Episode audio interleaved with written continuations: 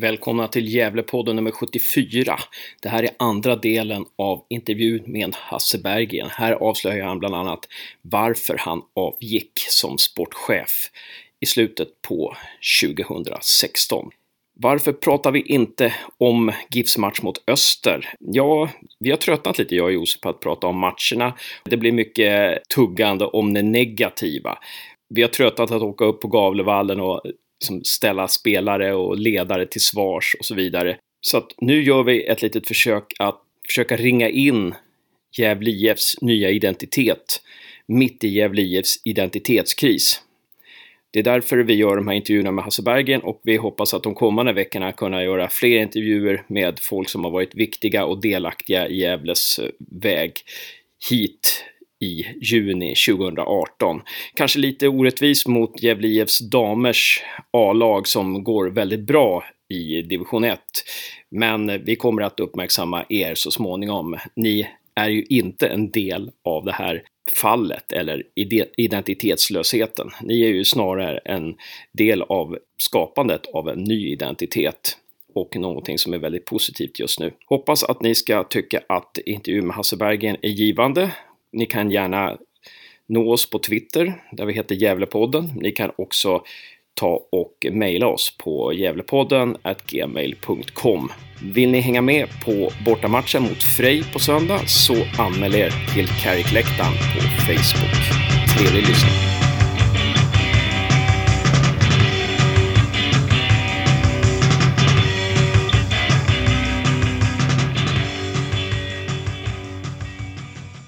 Ja, vad, vad hände? Då lär vi ju någonstans vi börjar när vi sparkar Roger. Roger är en god vän till mig. Jag har känt honom när jag spelade med honom i Hammarby och han är en väldigt duktig tränare och väldigt duktig att ta spelare och sådana saker. Och det, det var det tuffaste beslutet jag har tagit i min fotbollskarriär. Det jobbigaste jag varit med om och, och känna att vi behöver skilja oss åt. Men så är det ibland. Och, eh, och, men låt oss stanna där lite ett tag Hasse, där med, med alltså sparka Roger, det var ett tufft beslut säger du, men varför fick Thomas Andersson vara kvar då? Varför, varför, varför bytte ni inte båda? Ja, för det första är Thomas en väldigt duktig tränare och eh, eller ja, vi kände ju någonstans att vi, vi borde Alltså vi, vi, spelade, vi hade ett ambitiöst spel med Roger och det var tanken när vi rekryterade honom. Vi ville försöka utveckla spelet och vara lite mer bollförande och så. Det, det gick bra i perioder. Eh, men det, vi, vi, vi, hade en period, jag tittade då att eh, vi släppte in två mål och gjorde ett framåt. Och vinner man inga matcher över, ja, säg slutet på 2000 15 blir det och så början på våren där. Så då hade vi en sån statistik. Och då, då kände vi då i ledningen att vi måste liksom göra någonting och få bryta det här. Och, men Roger han ville, han ville driva på sitt sätt. Han trodde liksom att vi, ja, han köpte det inte riktigt och så kan det vara. Han köpte det inte rakt av utan då kommer vi fram till den lösningen och Thomas, den rekryteringen av Thomas den ångrar inte jag någon gång utan vi, vi, måste se rätt nyktert på det här tycker jag. Att eh, Thomas, det påminner väldigt mycket om när Poja kom in eh, förra året också. Thomas hade en tuff start men det tar tid att sätta spelet. Och sätta liksom sina idéer. Från ja, det offensiva tänket vi hade till lite mer defensivt tänkt att sätta försvarsspelet först. Och det, det tog några matcher för Thomas. Men tittar vi över tid med Thomas sista år i Allsvenskan så får vi 27 poäng. Han tar alltså 22 poäng på 18 matcher. Och det är i paritet med vad vi brukar ta i Allsvenskan. Så alltså, från ett tufft utgångsläge så mjölkar vi ut så mycket poäng att vi ger oss chansen ända in. Och det är så Thomas han, han, eh, han för, förtjänar... Thomas är jävligt duktig tränare och han förtjänar att träna laget i Superettan. Jag tänker ni valde att förlänga med Roger precis innan eh, året han fick gå och utnyttja hans option. Ja, utnyttja optionen ja. Precis. Var, är det någonting ni hade... Är det någonting du ångrar eller var det helt rätt då? Ja, ja men, hur hösten hade sett ut? Var alltså, vi, alltså, jag pratar om att se nyktert på det. Alltså, vi är Gävle IF. Liksom, vi, vi, vi, vi låg på undre halvan alltid allsvenskan och liksom aldrig kommit på över halvan. Och Roger, vi klara kontrakter med Roger 2015 blir det va? Ja, alltså tidigt. Vi vann mot Helsingborg och Djurgården hemma där. Men efter de matcherna så hade vi en, en kontraktet var klart med fem gånger kvar. Men sen avslutar vi med fem torskar. Och så kommer in, tar fyra poäng på första två och sen blir det bara torsk igen. Så alltså ja, vi har kunnat gjort kanske annorlunda men håller man Gävle IF kvar som Roger gjorde i perioden med ett väldigt bra spel och väldigt bra utveckling på vissa spelare. Då förtjänar man också att vara med, liksom fortsätta. Och vi, mm. Roger var där och då eh, våran tränare och jag var jättenöjd med Roger. Vi klarade kontraktet.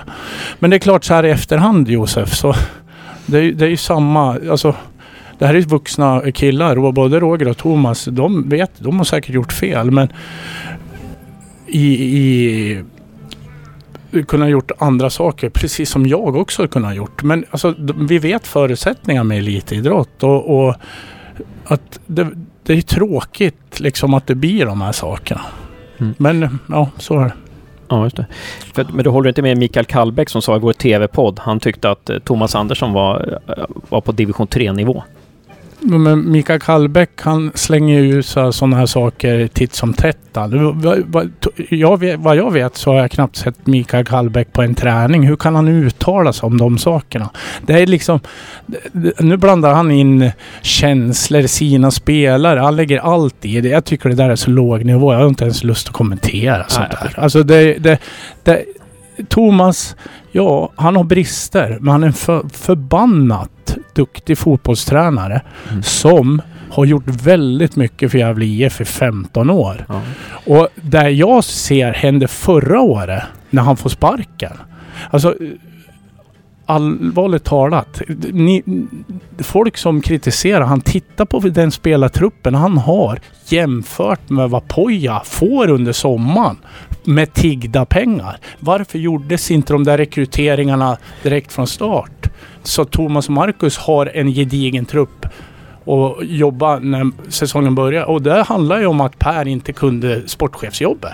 Han hade liksom ingenting att falla tillbaks på. Utan det som händer på sommaren, det, det, det vill jag ha sagt också. Ni ska tänka på det här. Poja, han tog en seger på sina första fem matcher. Vad hände sen? Jo, man tigger pengar köper in bra spelare, Ajetti och alla de här. Och så får man medgång. Mm. Det, alltså man måste, man ja, måste ja, liksom precis. innan man börjar kritisera se helheten.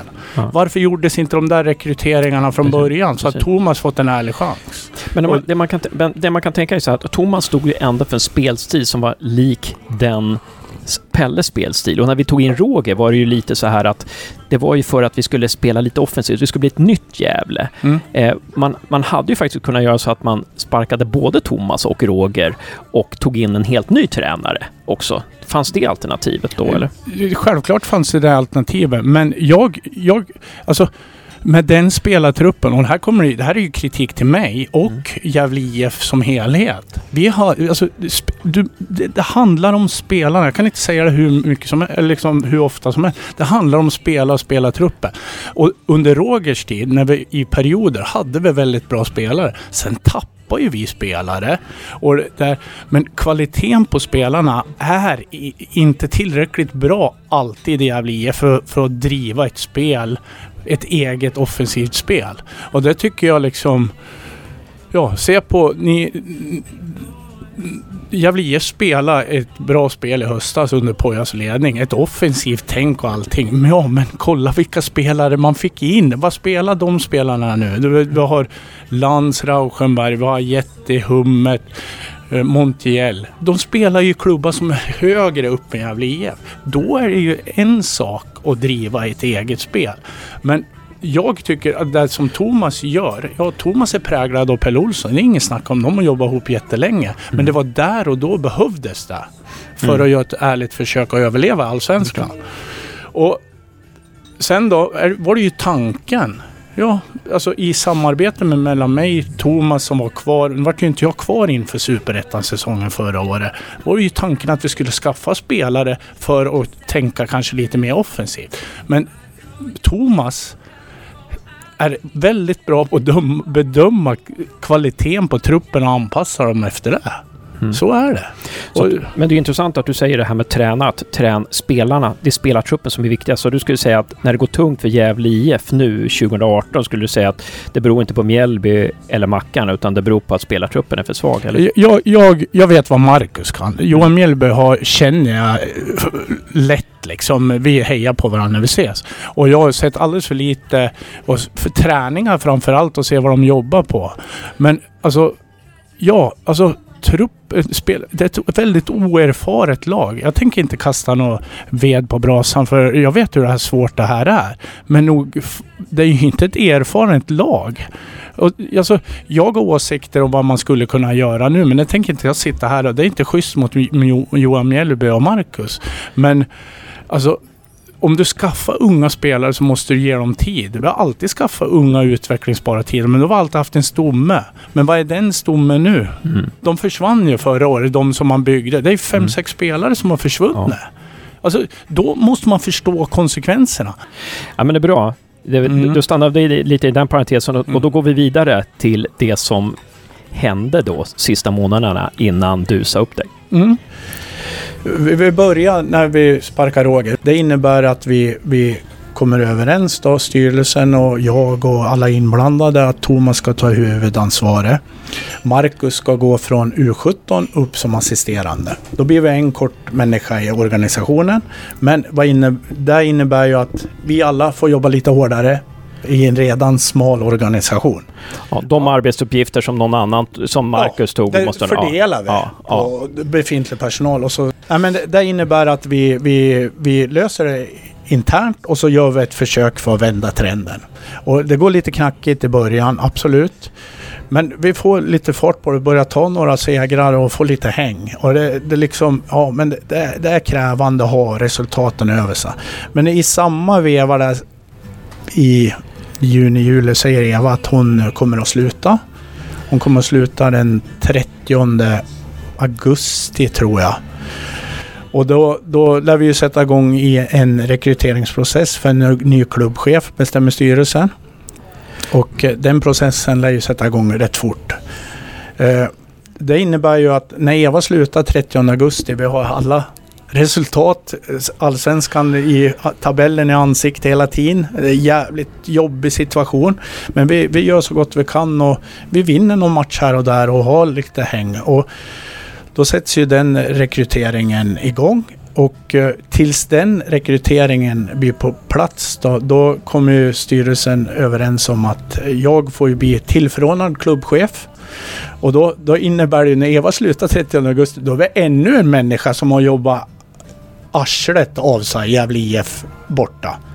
Och det är liksom, ja, men alltså vi, vi knyter ju näven och... Uh, Då gör ni hennes arbetsuppgifter också? Ja, absolut. Och, ja. Uh, och uh, liksom hanterar det, för snart kommer in en ny människa. På något sätt var det också den första som lämnade Gävle IF, som verkligen hade jobbat livet ur sig. Ja, det gamla alltså, gardet liksom? Ja. Om man säger så eller? Ja, det var första. Alltså Eva var en fantastisk klubbchef. Väldigt mån om de anställda och jobba, var inte rädd för att gå in. Och, eh, jag tyckte personligen det var jättejobbigt. Jag hade ett väldigt bra samarbete med Eva. Och, och vi, vi resonerade och det. Hon lade sig inte i det sportsliga utan vi, vi, vi liksom... Jag, jag med, med tränarstaben, vi diskuterade spelare och sånt och sen var Leif involverad. Eh, i före. Nu var ju Badis inne. Vi diskuterade internt och vilka värvningar jag gör. Så går man och så pratar med Eva om vad är pengar för det. Har vi möjligheter att hitta en lösning runt det här? Och hade ett jättebra samarbete. Och alla var involverade i det, som det ska vara i Gävle IF, tycker jag. Att alla känner sig delaktiga. Och det var jättejobbigt när hon slutade. Men livet går ju vidare och då sätts ju den processen igång. Och, men då är vi ju två kvart när Roger och Eva slutar och vi löser det internt. Jag vet när Badis slutar i intervjun där i tidningen, då säger han att han enda han ångrar att vi, att vi att vi... Sparkar? Ja, att, att vi inte skulle sparka Roger för då har jag haft mer pengar och handla spelare eller göra någonting. Vad fan är det? det är ju... Alltså, vad fan, det är ju respektlöst mot oss som jobbar så jävla hårt där. Alltså, inte en krona kostar de här ändringarna, utan det är ju den organis befintliga organisationen mm. som, som steppar upp ännu mer. Och där, där vart jag väldigt ledsen och sårad över att han säger så. Och det är ju vi på kansliet och den sportsliga och eh, tränarstaben, vi fick jobba ändå hårdare. Nej. Men alltså, om man tittar på andra allsvenska klubbar som jag har varit i mm. så har man ju haft jag, jag, jag, kan ju tala utifrån mina arbetsuppgifter. Mm. Alltså, om du är sportchef i Djurgården eller Elfsborg mm. eller någonting. Inte jobbar du med att möblera lägenheter. Inte står du på plan och tränar ungdomar. Inte sitter du i föräldramöte på ungdomssidan. Utan det finns det anställda till hela tiden. Och allt det här tar ju en massa mm. tid. Mm. Och det är ju bara på mitt. Och så är det ju för alla här. Och rycker du bort de personerna, två stycken ur den lilla organisationen. Så ja, då måste ju några andra steppa upp. Och det, det, här har vi ju varit inne på förut. Men det jag kan säga är ju att under tre år som sportchef så hade jag tre veckors semester. Totalt. Alltså, och då jobbade jag varje dag då också. Och jag hade ett exempel när jag var på, i Grekland på sommaren med familjen. Då satt jag och förhandlade med Norrköping och Simons grabb fyra, må, för, fyra förmiddagar med Norrköping. Liksom. Alltså, så är det. Man, all, det händer saker i den här branschen hela tiden och du måste vara ajour hela tiden. Mm. Och mm. om man tar bort två då, då förstår mm. ni. Då, ja, då, blir kvaliteten sämre och så får man jobba hårdare. Mm. Men vi såg ju ljuset i tunneln. Snart kommer en ny klubbchef på plats. Alltså det tar lite tid och då mm. får vi ju hantera situationen utifrån bästa förmåga helt enkelt.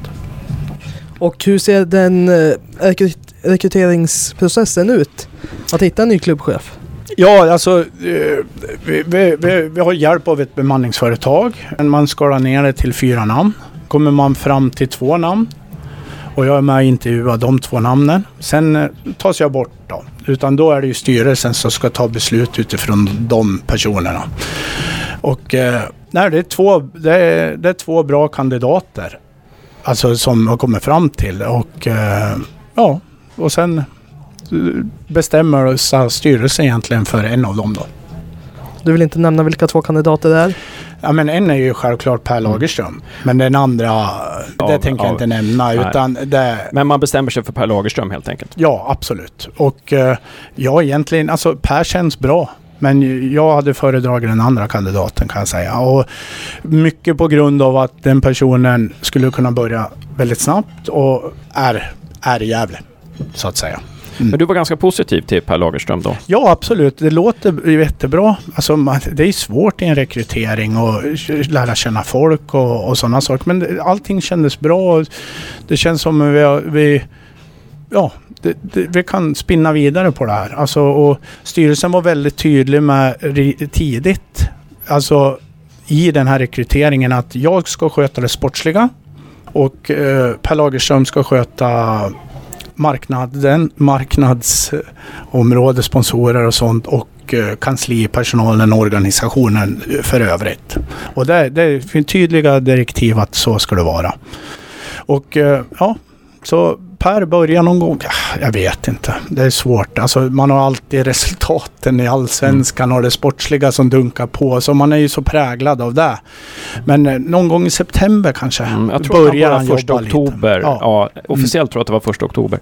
Ja. Mm. Alltså, han börjar någonstans, ja, börjar jobba lite smått jag har ju börjat ifrågasätta lite saker i den här rekryteringen beroende på, ja, jag får ju veta, alltså för det första lönen är ju bra mycket högre lön än vad Eva hade. Per ska bo kvar i Stockholm och då skriker jag rakt ut. Alltså i den här organisationen, vi håller på att jobba häcken av oss i Gävle IF och då ska vi ha en person som bor i Stockholm som dessutom ska jobba på förbundet, hos Svenska fotbollsförbundet. Och jag, jag är den enda personen i styrelsen och som står varje dag på golvet i Gävle IF. Jag vet exakt vad som krävs och jag vet exakt vilket jobb Eva har gjort. Ändå räcker vi inte till. Och då går man med på att rekrytera en person som ska bo i Stockholm och jobba åt förbundet. Och då, då, då börjar jag ifrågasätta det. Och det är ju klart, alltså ja, då får jag ju till svar någonstans att eh, ja, för att få han så måste vi gå med på de här. Och det är ingen, ing, ingen, eh, ingen skuld på Per. I en förhandling, vad han får i ett avtal är ju, det, ja, fine.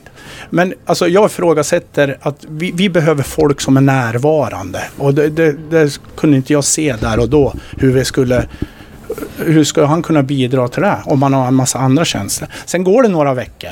Sen får jag också veta i det här han ska gå högsta tränarutbildningen i, i, i Sverige.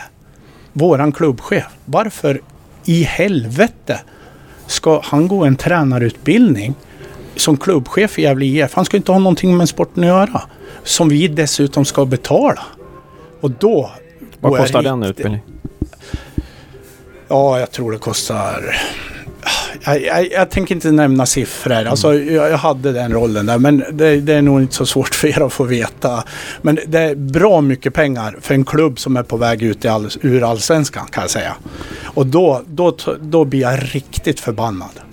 Alltså, då, då, alltså det här är ju, det är ju katastrof. Men återigen, alltså Per förhandlar, han får det. Ingen skugga över han, så är det. Men det hjälper inte oss som är i befintlig organisation för vi vet liksom hur svårt det här jobbet är och vi behöver hjälp helt enkelt. Men hur tror du att Gävle tänkte när de anställer en chef, en klubbchef som inte ens ska vara på plats utan ska stationera på ett annat håll? Hur? De, måste ju ha sett vissa kvaliteter i, hos honom då som de tyckte att... Ja, ja, ja. Var det någon kvalitet du såg hos honom? Alltså per, per Lagerström är ju mästerlig på att sälja in sig själv och prata. Han är jätteduktig på det. Men efter ett tag så Eh, märker man ju att han, han, han, säger väldigt mycket samma sak. Det är mycket strategier och sådana här saker. Det, är ju, det, liksom, det tar ju ett tag innan man lär känna. Alltså, man, man ser mönstret så att säga. Men jag... Jag, jag ifrågasätter ju liksom utifrån där behovet är. Men då är det ju som jag uppfattar det. Det här är som jag uppfattar det Eh, att det finns en gruppering i styrelsen, en gruppering som, eh, ja, som får, som säljer in det här namnet, Per Lagerström, att det här är ju en undantagsmänniska. Det här är någonting som vi aldrig har, har liksom varit med om i Gävle IF. Han kommer, om inte han löser det här, kommer ingen att lösa det. Och det, då är det klart, har vi chansen på, den, på en sån människa?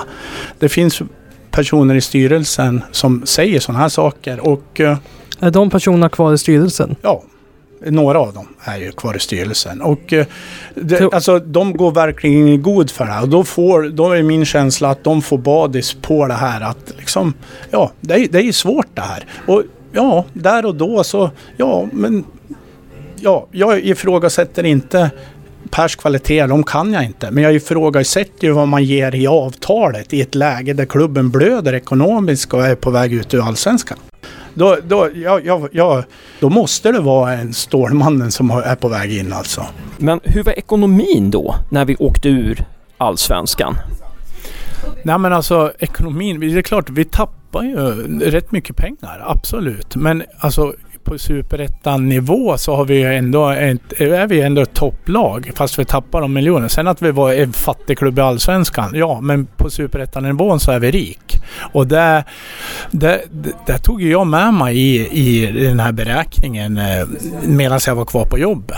Men där och då så gjorde man ju, alltså vi gjorde ju en rekrytering. Vi tyckte att vi behövde en kommunikationsansvarig och jag tyckte att vi borde lägga pengarna på det sportsliga för att försöka göra allt för att komma upp i Allsvenskan. Jag menar, har jag varit kvar så har vi ju lagt våra pengar på att förstärka spelartruppen utifrån eh, superettan mått mätt såklart. Alltså, all, det var jag väldigt tydlig med mot styrelsen att nu lär vi försöka bygga ett starkt lag för att försöka ta oss upp igen. Och det, men, men istället så anställer ju Per Lagerström en kommunikatör, någonting som vi aldrig har haft i Gävle förut. Men det, det tydligen så behövdes det i superettan nu när jag slutar och när vi kommer in i säsongen, eh, står jag utifrån och tittar på laget. Men alltså, det är ju bara egentligen i träningen som Thomas och Marcus har jobbat med massa juniorer. Inget fel på juniorer, men de måste ha tid.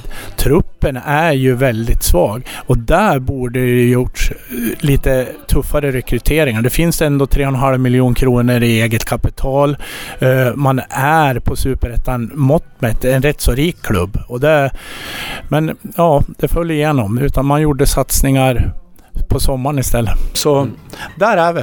Och mm. uh, det, det liksom... Ja. Vad, vad hände sen på vägen som gjorde att du ja, men, sa upp dig? Ja men alltså Per börjar ju börjar jobba. Det, det, känns bra till en början tycker jag och, och eh, sådana här saker. Men alltså det som lyser igenom det är att han har ju ingen erfarenhet av elitfotboll. Alltså, det har han ju, men inte i den Han kan ingenting om våran verksamhet. Och han har eh, inte kontakter liksom i allsvenskan eller någonting. Där jag retar upp med. Att jag tycker att han var lite arrogant och självgod Per. Liksom och ville mästra mig lite. Den känslan och det var frustrerande. För alltså, om han har kommit in med en lite mer ödmjuk inställning så då har vi ju hjälpt varandra. Men för att kunna hjälpa han och lära känna organisationen då behöver man återigen vara på plats. Mm. Annars kan man inte förstå hur mycket jobb materialarna gör. Städar de det där och sådana saker. Man måste vara på plats för att lära sig det så fort som möjligt. Alltså han, han på hösten där så var han väl, ja, Säg att han var två, tre gånger i veckan. Sen vet jag ju i, under förra säsongen, då var det väl en till två gånger i veckan han var på plats. I, i, i snitt. Och det här är, alltså, jag, jag får ju självklart, jag vet ju mycket mer än vad jag kan säga. Alltså när det sipprar ur frustration ur de anställda så pyser det ut saker. Och istället för att ta det, de varningssignalerna så går man och säger att det är skitsnack istället för att stötta. Men det här blir ju en ond cirkel. De försöker ju skydda sin felvärvning då, då slåss man ju för... Ja, det är svårt att erkänna att man har gjort fel ibland. Istället för då att ta diskussionen med Per. Kan du vara närvarande mer? Kan du säga upp dig från förbundet? Kan du skita i tränarutbildningen just nu? För vi Gävle IF behöver dig närvarande.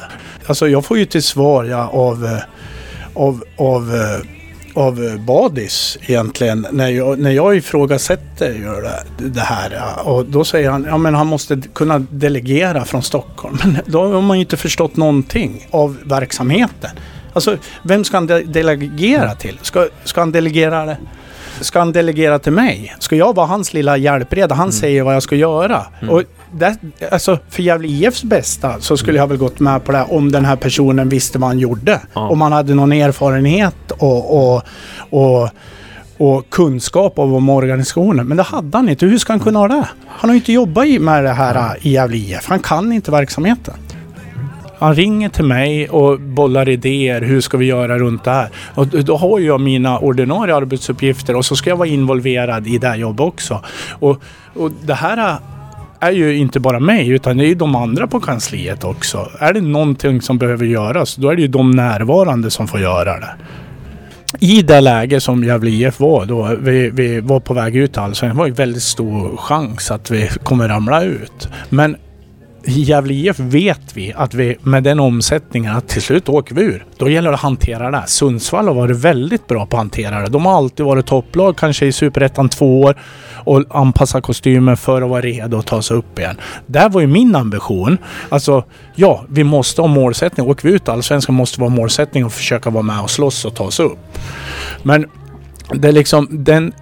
I, den, I det läget så lär man ju mjölka åt självklart spara pengar i, i befintlig, ja liksom anpassa och så lägga mycket krut på, på laget för att kunna vara med där uppe och försöka ge sig chansen att gå upp.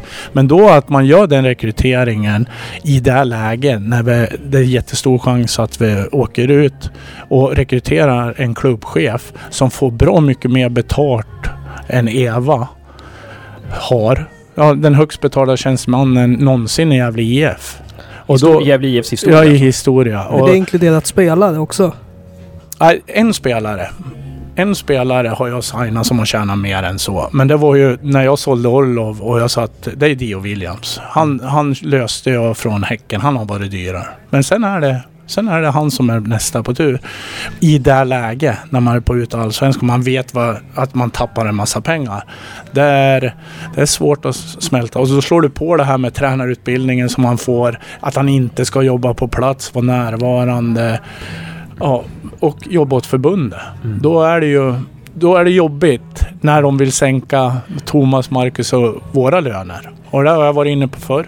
Jag har varit beredd att sänka min lön, ja. Absolut. Alltså, det, vi, man får hugga in. Det är alltså mindre pengar i bidrag och sånt när man åker ur. Men just nu var du inte, just då var du inte beredd? Nej men alltså det, det, det blir prestige för mig. Alltså det handlar inte om pengarna. Men varför ska jag gå med och sänka lön när man ger en totalt oerfaren människa de här förmånerna? Det, alltså, då, då kommer jag gå och koka varje gång liksom jag ifrågasätt eller någonting. Alltså, det här är ett arbetssätt som jag aldrig varit van med i Gävle IF. Jag har inte varit van med det i någon annan klubb heller. Sen, men sen alltså Per, alltså han, han, han, eh, ja, på ett styrelsemöte så sitter ju han och säger att liksom om jag ska jag, jag behöver 100% mandat till att driva igenom mina frågor och ni måste backa upp mig. Jag sitter på det här styrelsemötet och han kräver det. Att liksom de ska sluta upp till vilken kostnad eller liksom till vilket pris som helst.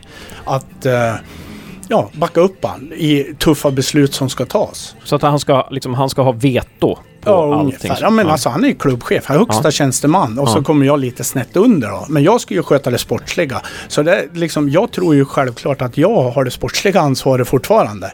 Men det som händer då när han efter det där styrelsemötet där han kräver det där. Eh, det går en månad, vi jobbar på, matcherna rullar på och sådana saker. Nästa styrelsemöte då kommer vi upp och så går vi igenom styrelsemötena. tar några timmar. Jag är med som vanligt, alltid med på styrelsemötena. Vi diskuterar. Sen när det ska pratas budget, då säger Badis åt mig att jag ska lämna mötet och åka därifrån. Fick du någonsin någon förklaring till varför du skulle lämna mötet? Nej.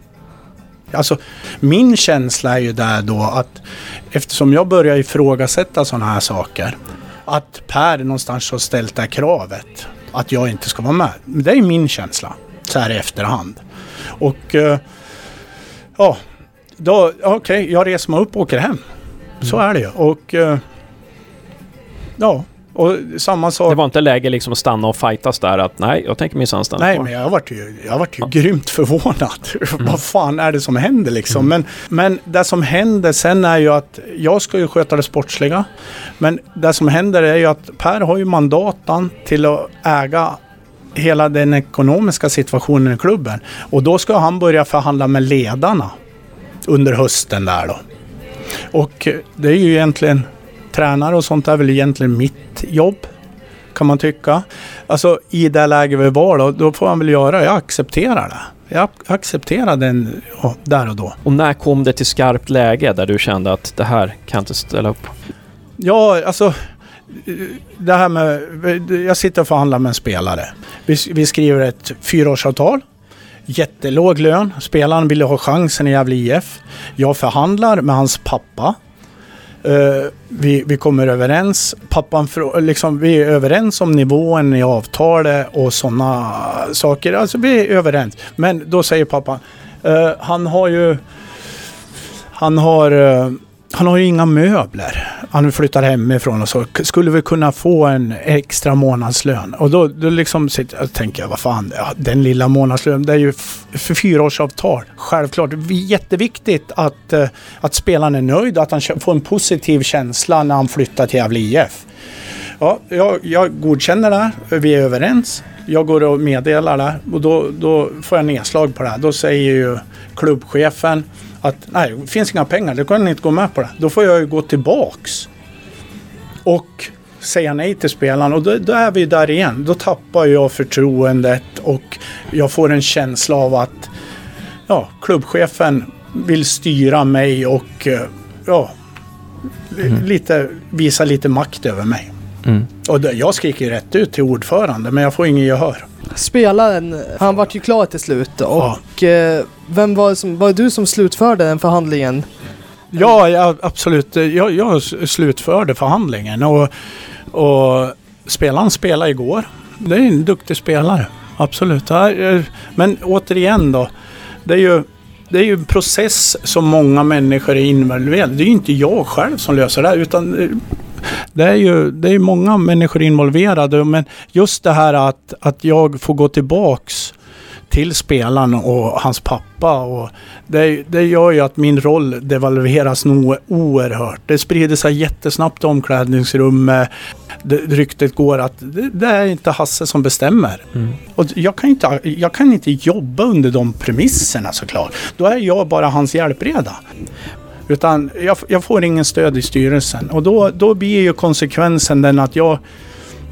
Jag måste ju... Jag, då, då, har jag någon roll i Gävle IF. Men jag, alltså, min känslan är... Jag kommer aldrig kunna samarbeta med den här människan.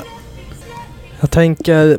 Och jag, äh, förlåt Josef, men alltså jag, alltså jag känner liksom, jag har, det här är 16 december bestämmer jag mig. Jag kommer inte kunna jobba kvar i Gävle IF. Och, och får det osmakligt att säga att det är om ekonomi efter allt som har hänt under hösten, att, det, att vi inte kommer överens. De vet exakt mina varningssignaler.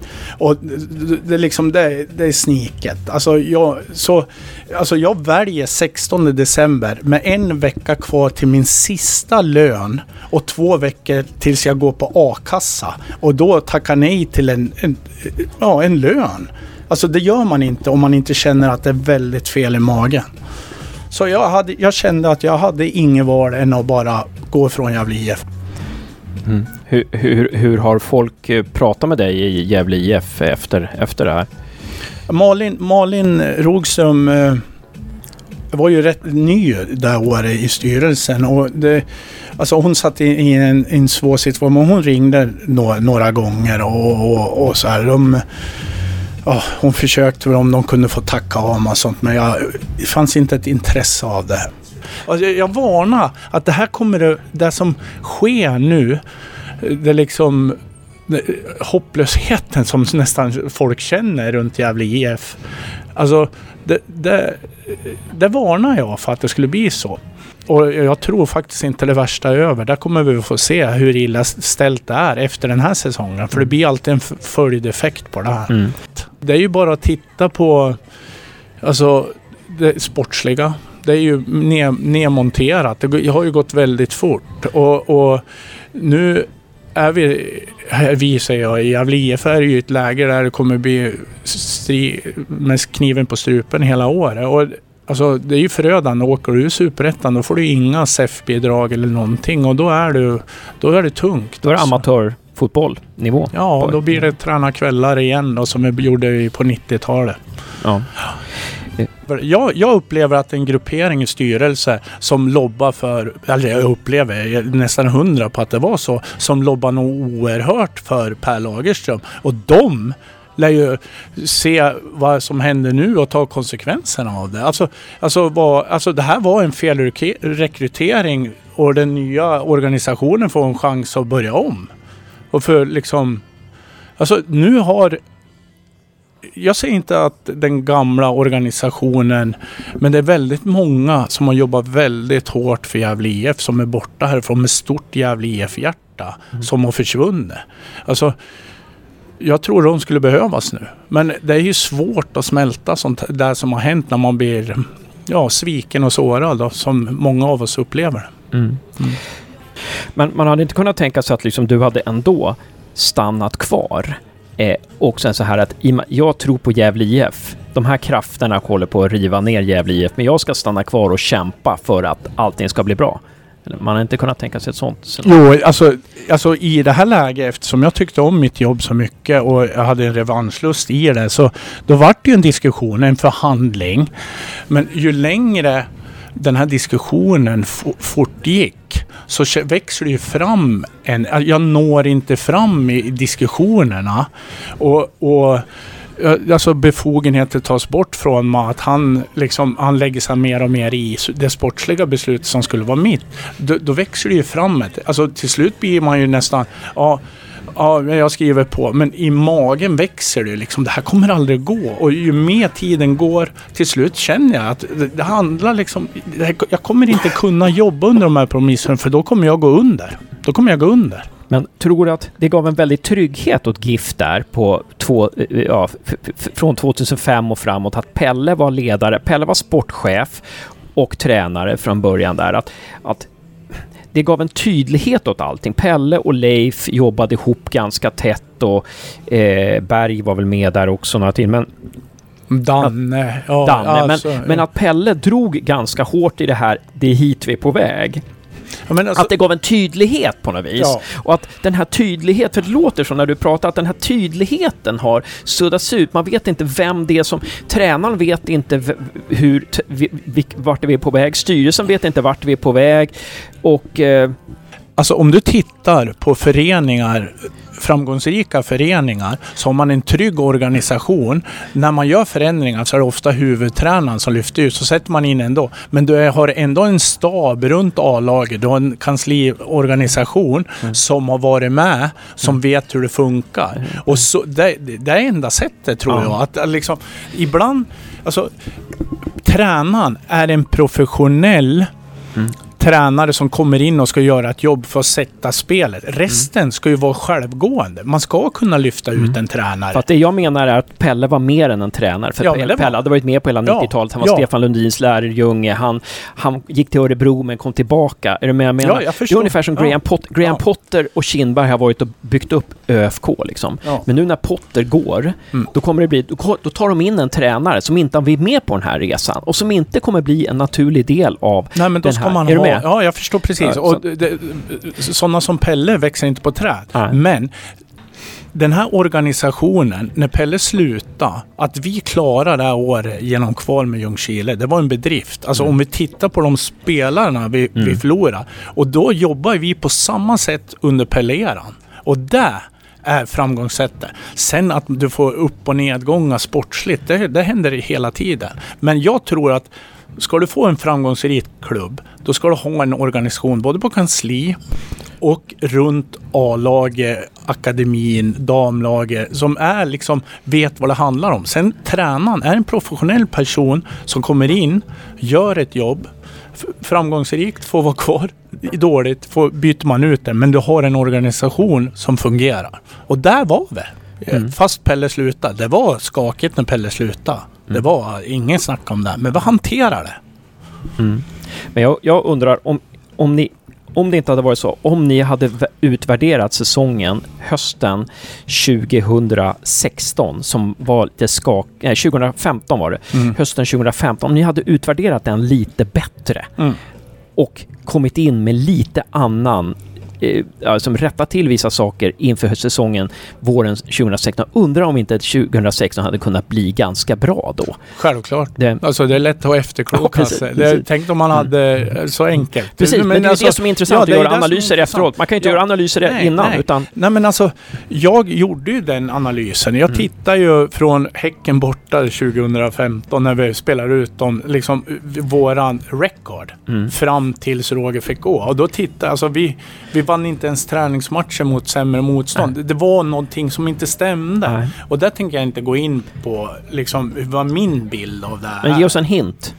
Nej men alltså jag, jag, kommer, alltså vi gjorde en aktiv rekrytering och sa att vi, vi, vi, vi vill ha Roger. Han är jävla bra tränare. Vi kommer in med lite nya idéer. Men ju, mig personligen så tror jag att återigen att ha en tränare som bor på annan ort, det kräver sin man. Och Roger jobbar, alltså det var inte inget snack om att Roger lag in 100% han också. Men det är samma där. Alltså mm. det, under två och ett halvt år som Roger var här så då blir det naturligt energiläckage tror jag. Men om du frågar Roger nu så tror inte jag att han håller med mig. Oh, han, men, jag pratat med Roger, han håller med dig lite där okay. Ja, ja, att, han, han, att han bodde på annan ort, att det inte var riktigt bra.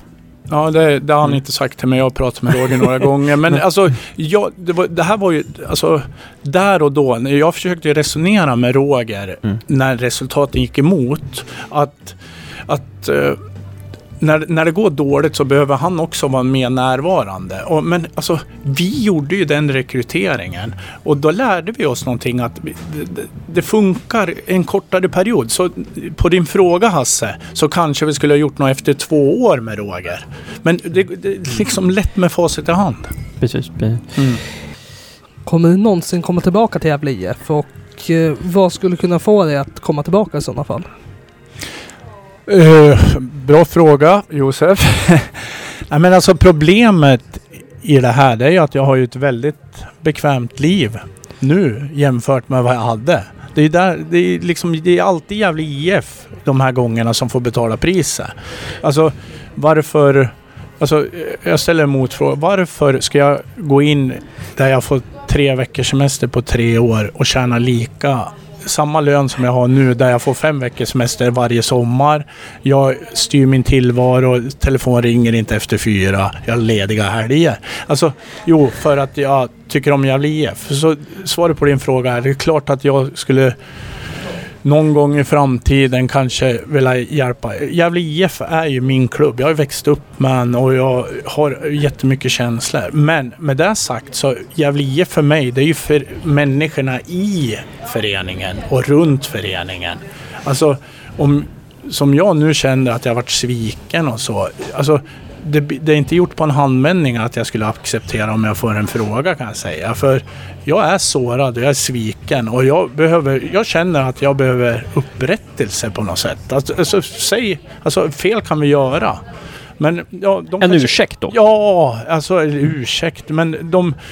Alltså någonstans erkänna att det här vart inte bra. Men om, för om Gävle IF skulle kontakta dig, då skulle väl, då, i, ja, skulle, kan, då skulle väl det vara en, ett ett sätt att säga förlåt eller vi vill att du ja, kommer tillbaka? Eller? Jag har pratat med folk i Gävle IF nu och frågan har ju dykt upp men alltså jag jag har ju inte fått något konkret men jag har ju hjälpt, alltså jag har ju stor erfarenhet och i vissa frågor så har jag stöttat, jag har ju ingen relation till de här utan jag har ju fått en bild av David och, och så här. Alltså, jag känner Marcus, jag känner Johan lite. Skulle jag få en rak fråga så skulle jag ju svara och försöka hjälpa dem såklart. De har inte gjort mig någonting.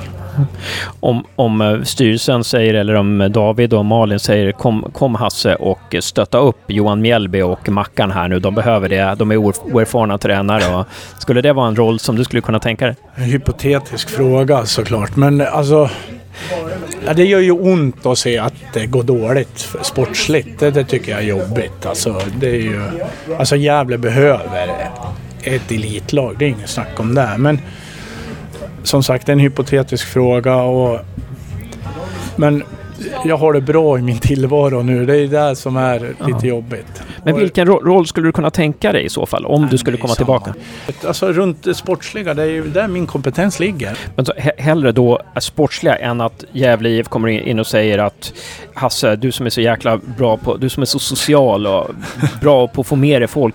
Kan inte du jobba, kan inte du vara som vår huvudsäljare här, jobba mot sponsorer och sånt Nej, men jag tycker, jag tycker inte det är lika roligt. Nej. Nej. Så det är ju det sportsliga. Mm. Då blir inte du lika glad och rolig själv? Nej, det Utan tror jag inte. Nej, nej, men alltså jag har inget, inget behov av... av det, det, det enda sättet för dig att komma tillbaka är sportsliga. Ja, för annars, absolut. För annars trivs du med dina fem veckors semester. Ja, Telefonen ringer ja, inte precis. efter fyra. Nej, för varför men, ta en sponsorgrej? Nej, för fan. Det, det, där du bara får tre veckors nej, semester på då, då, då, kan jag jobba med något annat som sagt. Men alltså... Oh, efter 25 år liksom att man på det sättet, det sved. Det sved. Men all, livet går ju vidare. Jag förlorade den kampen men livet går vidare. Och nu har det gått ett och ett halvt år och det är... Ah, jag var ledsen och sårad i början men livet går vidare och nu mår jag jättebra. Det, jag går på barnas matcher istället. Du går även lite på Gävle IFs matcher? Jag går på Gävle IFs matcher också, absolut. Och jag har inte... Jag kan inte påstå att jag har den här klumpen i magen varje match som jag hade som sportchef. Men jag lider när det går dåligt. Det gör jag. Jag tycker, jag tycker det är viktigt att ha ett elitlag i Gävle och jag håller alla tummar jag kan såklart att de ska klara det. Stort tack Hasse Berggren för att du ställde upp i Gävlepodden. Det, var, det tog lite tid men nu har jag fått ur med det.